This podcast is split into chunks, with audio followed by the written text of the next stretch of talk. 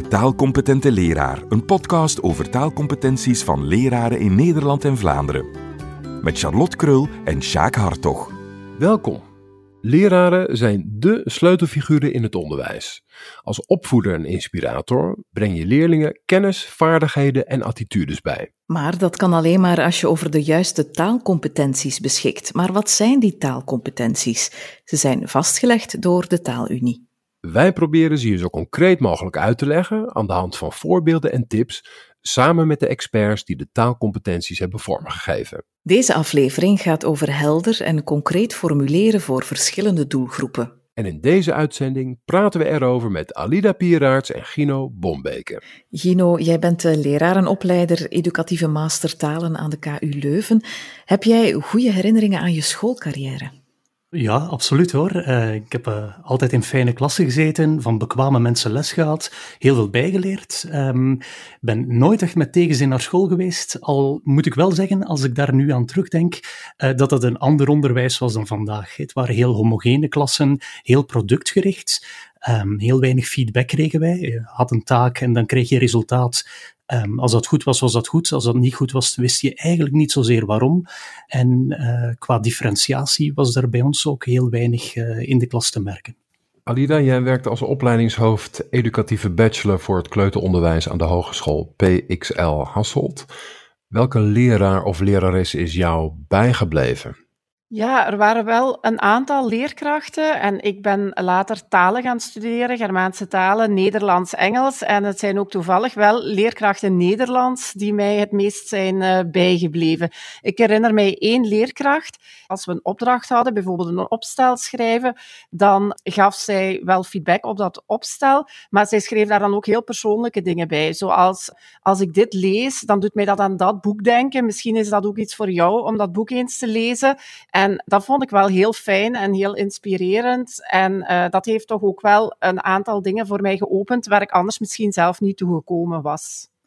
Deze aflevering gaat over helder en concreet formuleren. Gino, wat is nu de kunst van goed formuleren?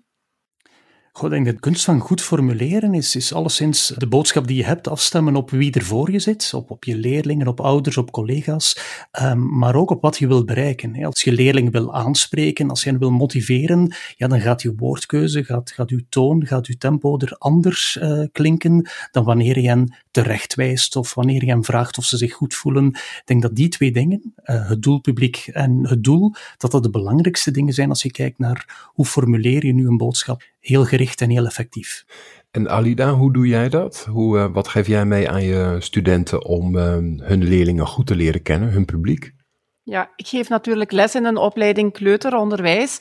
En dat betekent dat ik mijn studenten vooral ook moet uh, verder helpen in het aanpassen van hun taal in functie van hun doelpubliek. Dus ze moeten zorgen dat ze helder formuleren uh, naar kleuters toe, zonder daarbij hun uh, taal zo verregaand te vereenvoudigen dat ze geen rijk taalaanbod meer bieden aan die kleuters. Dus dat is daar zeker de uitdaging bij het helder formuleren. Heb je daar voorbeelden van? Ja, je merkt natuurlijk als je op stagebezoeken gaat dat studenten heel erg geneigd zijn om bij kinderen heel veel verkleinwoorden te gaan gebruiken. Hè. Dan hoor je ineens dingen zoals ga maar aan het deurtje staan of we gaan met het kleedje spelen. En dat zijn natuurlijk zaken, ja, die doe je misschien automatisch als je bij jongere kinderen bent, maar dat is niet de bedoeling. De bedoeling is natuurlijk dat je je taal niet gaat verkinderlijken, maar dat je op een aangepaste manier gaat formuleren, zodat het wel begrijpelijk is voor de kinderen, dat je woorden gebruikt die zij kennen of herkennen maar dat je daarbij niet je eigen taal gaat forceren of uh, verkleuteren. Gino, heb jij voorbeelden van rijke, maar toch ook concrete taal?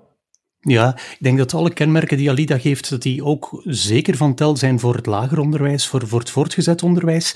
Ik denk dat uh, rijke taal, concrete taal, uh, alleszins duidelijke taal is. Dat zijn instructies die overkomen, dat zijn vragen die uh, helder zijn, maar die tegelijkertijd ook uitlokken of die uitnodigen. Ik denk dat prikkelende vragen of prikkelende opdrachten, um, dat die leerlingen gaan aanzetten om na te denken, dat die hen gaan aanzetten om met die teksten die ze krijgen aan de slag te gaan, maar ook om zelf taal te gaan maken. En Dat zijn natuurlijk wel kenmerken van een taalcompetente leraar. Een vraag als in welk jaar werd eh, die persoon geboren of in welk jaar werd dat onderwerp uh, uitgevonden, is een veel minder boeiende vraag dan waarom vriezen pinguïns niet vast aan de grond of uh, hoe overleef je een vallende lift. Dat zijn dingen die leerlingen onmiddellijk gaan doen denken, die onmiddellijk hypotheses hardop naar boven gaan brengen.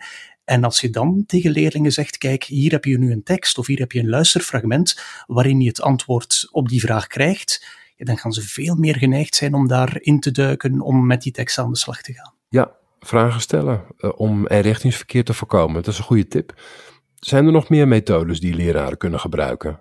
Ik denk dat die interessante vragen uh, één aspect zijn, maar ik denk ook dat, uh, dat, dat er nog wel andere dingen zijn om dat inrichtingsverkeer te vermijden. Als het dan gaat over wat de leerkracht doet, doorvragen stellen. Een vraag niet aan één leerling stellen, een antwoord krijgen, dan een volgende vraag stellen aan een andere, weer een antwoord krijgen. Maar dat is vooral dan vragen wie het ermee eens is. Dat is vragen uh, of mensen een andere mening hebben, hè, zodanig dat er een iets natuurlijker gesprek ontstaat dan louter vragen stellen waar je zelf het antwoord al op kent. Maar ik denk ook dat uh, interactie uitlokken tussen leerlingen, hè, leerlingen in groep laten onderzoeken uh, hoe iets in elkaar zit, leerlingen verschillende teksten over eenzelfde onderwerp geven en dan vragen, wat staat er in jouw tekst? Hoe kunnen jullie die puzzelstukken nu samenleggen om tot een, een dieper of rijker antwoord te komen? Dat het ook heel boeiende technieken zijn om verder te gaan dan uh, dat louter één op één gesprek waarbij vragen een antwoord krijgen van een leerling een heel groot verschil met het onderwijs wat jij zelf hebt genoten vroeger. Het was goed of fout en dan zonder feedback eigenlijk waarom het goed of fout was. Ja, voor een deeltje wel. Ik wil mijn leraren zeker niet afvallig zijn, want die deden dat met de beste bedoelingen. Hè. Die wilden ons iets bijbrengen, die wilden tempo maken. Maar als je dan puur anekdotisch gaat kijken, ja, dat, dat had heel grappige gevolgen. Dat wij in een les fysica, uh, dat heette dan labo, en dan zaten wij te kijken naar een leerkracht die een proefje uitvoerde. Hè. Bij chemie, uh, hetzelfde verhaal. Uh, daar stonden allemaal heel boeiende dingen vooraan, die ik heel graag zou vastpakken, die ik graag bij elkaar zou kappen, kijken wat het resultaat daarvan is. Maar we kregen gewoon de vraag van, kijk, ik giet nu twee stofjes samen, gaat de temperatuur stijgen of dalen? Dat was een ja-nee-vraag, of dat was een, een heel beperkte keuzevraag. Dat hou je als leerling tien minuten vol, maar dan haak je af. Dan begin je naar andere dingen te kijken, naar, of naar klasgenoten of naar buiten. Ik denk dat uh, die hypothese formuleren, zelf mogen prutsen, zelf aan de slag gaan, um, dingen samenleggen en via hardop denken dan ook kijken welke taal daarmee verbonden is. Dat dat technieken zijn om het toch iets krachtiger of boeiender te maken. En hopen dat de klas niet ontploft. Uh, ja, letterlijk niet. figuurlijk vind ik dat niet zo erg, Charlotte. Uh, ik denk dat, um, nee, want dat is natuurlijk wel, um, ja, dat is wel een vraag die veel leraren hebben. Hè, van gaat het dan niet uh, een gekkenhuis worden of, of gaat de hele klas niet op zijn kop staan? Um, ja, persoonlijk vind ik dat minder erg als er dan iets meer ruis is. Maar ik denk dat het maken van afspraken, hè, duidelijke gespreksregels opstellen, heel duidelijk eh, tegen leerlingen zeggen van kijk, deze tien minuten mag het heel luid en mogen jullie roepen tegen elkaar, maar het volgende kwartier wil ik niemand horen en ga je nu fluisterend met z'n tweeën uitschrijven uh, wat jullie nu bedacht hebben. Ik denk dat dat, dat heel meetbaar maken en dat afleiden van dit kan nu en dit kan op een ander moment niet, dat dat wel manieren zijn om daarmee om te gaan het is iets wat leerlingen ook moeten leren. Hè. Het is iets wat niet spontaan gebeurt en waar, eh, om dat woord dan toch nog eens te gebruiken, de taalcompetente leraar eh, toch ook aandacht voor heeft. Nu gaat het vooral over lager of middelbaar onderwijs, maar Alida, jij bent gespecialiseerd in kleuteronderwijs. Hoe zit het daar met dat eenrichtingsverkeer of interactie? Ja, ook daar is het belangrijk om dat eenrichtingsverkeer te vermijden. Bij instructies kan je dat doen door kinderen ook aan elkaar dingen te laten uitleggen of kinderen nog eens een instructie te laten herhalen. Dat verhoogt dan ook weer de begrijpelijkheid, omdat zij spontaan ook taal gaan gebruiken die hun uh, vriendjes, die de andere kleuters ook gaan begrijpen. Maar ook um, bij het maken van afspraken bijvoorbeeld, of verwachtingen duidelijk maken voor kleuters, is het ook wel belangrijk om dat samen met de kleuters in kaart te brengen hoe jong ze ook zijn, kinderen kunnen zelf heel goed uh, verwachtingen verwoorden en kunnen ook zelf afspraken maken. En ze zijn eigenlijk best streng voor zichzelf. Ik heb een voorbeeld eh, van hoe een leerkracht met haar uh, kleuters een grootouderdag voorbereidde. En de dag voordien ging ze dan met de kleuters in kaart brengen, in een beeldweb. wat mogen we wel doen of wat doen we best wel als de grootouders er zijn en wat doen we best niet. En dan komen de kinderen met heel wat afspraken en niet roepen, elkaar niet pijn doen, geen ruzie maken. Uh, bedoel, alle regels, alle verwachtingen komen dan al van de kinderen zelf. Dat is natuurlijk veel sterker, want op die manier begrijpen ze ook wat er van hen verwacht wordt en zijn die afspraken ook samengemaakt, waardoor die kinderen dat ook veel beter gaan naleven.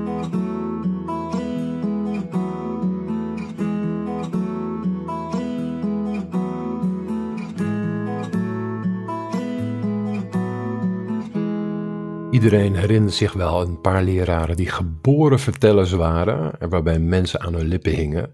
Wat is toch de kracht van het verhaal? Ja, ik denk dat die kracht van dat verhaal heel sterk is. Hè. Dat, uh, dat vertellen en, en voorlezen gebeurt heel veel in het kleuteronderwijs, of zou daar heel veel moeten gebeuren. En uh, via zo'n verhaal uh, dat je als leerkracht vertelt over jezelf of over wat je zelf hebt meegemaakt, of om de kinderen in een bepaalde sfeer te brengen, ja, dat zorgt natuurlijk voor een heel krachtige leeromgeving. Zorgt ervoor dat kinderen ook meteen mee zijn, dat ze geboeid zijn. Kinderen zijn zelf ook vaak sterke verhalen vertellers gaan zelf mee um, die verhalen vormgeven. Dus um, ja, dat is een heel krachtig leermiddel. Ja, helemaal mee eens. Hè. De, de, verhalen zijn dingen waar we van leven. Het zijn ook dingen waar leerlingen in het secundair onderwijs, in het primair onderwijs, ook buiten de schoolmuren heel vaak mee bezig zijn. En heel veel dingen die gebeuren in bijvoorbeeld populaire films of in populaire tv-reeksen, ja, die kunnen ook wel een kapstokje zijn om binnen te brengen in de les. Hè. Uh, daar zijn gevaren aan verbonden. Het mag niet zo zijn dat je je les begint met een filmpje om uh, de aandacht vast te krijgen, dat je dat zo gebruikt als een soort van siroopje rond een, een medicijn, dat die leerling zich wat bekocht voelt. Hè omdat het eigenlijk toch maar een doodgewone les is die wordt ingeleid met een filmpje. Maar het kan ook wel boeiend zijn om te vertrekken vanuit um, iets wat gebeurt in een populaire actiefilm of, of uh, iets wat gebeurt in science fiction, om dan te kijken wat de chemie erachter is of wat de wetenschap erachter is, of om die verhalen echt zo in die klas binnen te brengen. Het hoeft niet altijd de taalleraar te zijn die gebruik maakt van verhalen. Hè. Het kan ook in chemie, geschiedenis of, of wiskunde. Hoe kan je collega's daar warm voor maken om een iets wat drogere materie toch warm binnen te brengen? Ik denk dat het een kwestie van gewoon doen en durven is. Ik denk dat uh, er op dit moment in, in uh, secundair onderwijs vooral wat een scheeftrekking is. Dat het uh, idee leeft dat fictie of een verhaal bedoeld is voor Engels, Frans, Duits, Nederlands, maar geen plaats kan hebben bij wetenschapszakken of bij economie of bij bedrijf. Maar zoals Alida daarnet zei, het vertrekken vanuit situaties, het vertellen van dingen die leerlingen zelf hebben meegemaakt, als leerkracht het voorbeeld geven en zeggen, ja, ik heb toen dat ervaren, dat zijn zaken die het voor leerlingen heel open maken en die zorgen dat leerlingen willen bijdragen tot je les en dat leerlingen wil ook willen investeren als er dan op vak, inhoudelijk vlak, iets nieuw aan gekoppeld wordt. Sjaak, jij bent theatermaker en stemacteur, maar werkt sinds kort ook als leraar. Merk jij dat verhalen een effect hebben op je leerlingen? Een ongelooflijk groot effect, ja. Um, ik geef ook les op vrije scholen. En daar is geen digibord, dus dan kan ik niet een filmpje laten zien om iets te introduceren. En ik heb één les gebouwd, ik ben vakdocent theater, één les gebouwd rondom emoties, wat emoties zijn.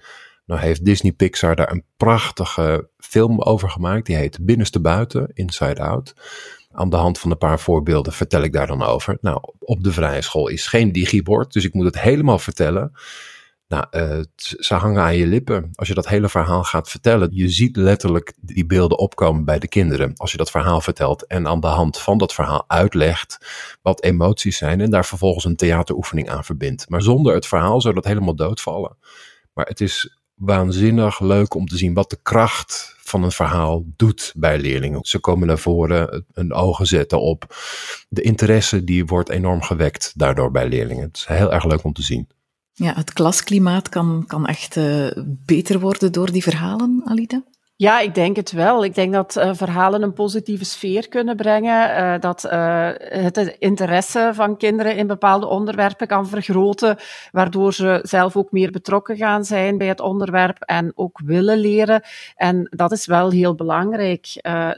dat, dat positieve klimaat en verhalen kunnen daar zeker toe bijdragen.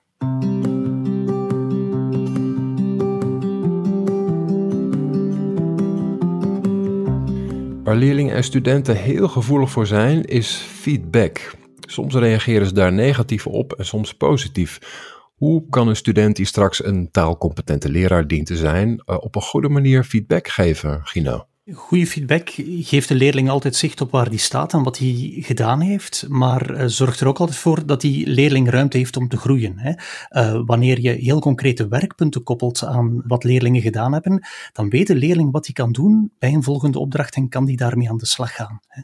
Dat hoeft niet alleen van die student of die leraar zelf te komen. Hè. Medeleerlingen kunnen ook een heel grote of heel belangrijke factor zijn in het geven van peer feedback, uh, in het zorgen dat leerlingen van elkaar zeggen wat ze goed vinden, wat ze werkpunten vinden. Hè. Sommige leerlingen zijn daar heel goed in. Hè. Die stel je een open vraag of die, die, die vraag je om feedback te geven op een medeleerling en die zullen dat heel spontaan doen. Anderen vinden dat wat lastig en in dat geval zou ik mensen zeker aanraden om gerichte vragen te stellen. Om bijvoorbeeld te zeggen, noem één ding waarvan je zegt, wauw, dat had ik zelf nooit zo kunnen schrijven of zeggen. Um, zet eens een kruisje op een plaats waar je zegt, hier was een voorbeeld interessant geweest om het duidelijker te maken. Uh, ik denk dat dat dingen zijn die ervoor zorgen dat leerlingen die het wat lastig vinden, of in een klas waar het klimaat iets moeilijker is om open uh, je mening te geven, die ervoor zorgen dat leerlingen wel aan elkaar dingen kunnen zeggen. Um, ik denk ook, en dat is dan het laatste uh, wat ik daaraan wil toevoegen, dat terugkoppeling heel belangrijk is. Hè. Uh, ook, ook bij feedback is het belangrijk dat dat geen zaak is van je hebt een zender die van alles geeft aan, aan een leerling. Ik denk dat het impliciet een heel goede boodschap is dat leerlingen weten dat over feedback gepraat kan worden. Hè. Dat die terugkoppeling, hoe voel je je daarbij? Wat vind je daarvan? Had je dat verwacht of niet? Dat dat zinvolle vragen zijn en dat dat die leerling zelf aan het denken zal zetten om vervolgstappen te nemen. Hoe loopt dat in het kleuteronderwijs, Alida? Daar wordt um, feedback natuurlijk vooral mondeling gegeven aan kinderen. En daar is het ook heel belangrijk dat dat op een waarderende manier gebeurt en dat dat ook steeds met de groei van de kinderen voor ogen is. En uh, vaak is het belangrijk om dat ook in hele kleine stapjes op te delen. Hè, kleine sprongetjes die kinderen kunnen maken, zodat ze het ook haalbaar vinden om, om daarin te groeien. En je niet meteen ja, hele grote eisen uh, stelt. En kinderen kunnen daar ook over zichzelf nadenken. Hè. Dat is dan self-assessment. Waar ben ik sterk in en wat doe ik graag en wat kan mij uh, lang bezighouden? Ze gaan dat inderdaad ook over andere kinderen leren formuleren. Dus ook daar kan je uh, verschillende vormen van feedback geven inzetten. Wat kan de invloed zijn van negatieve feedback op leerlingen? Ja, bij jonge kinderen kan dat heel remmend werken. Hè. Je kan uh, door uh, veel negatieve feedback te krijgen, ofwel kinderen krijgen die volledig dichtklappen, die ook uh, daardoor zelf weinig nog gaan vertellen of spreken of praten, wat dan weer helemaal niet goed is voor de taalontwikkeling. Um, je kan ook kinderen hebben die daardoor een negatief zelfbeeld krijgen. dus het is toch wel heel belangrijk om na te denken over de manier waarop je feedback geeft, omdat dat heel bepalend is voor de groei van kinderen.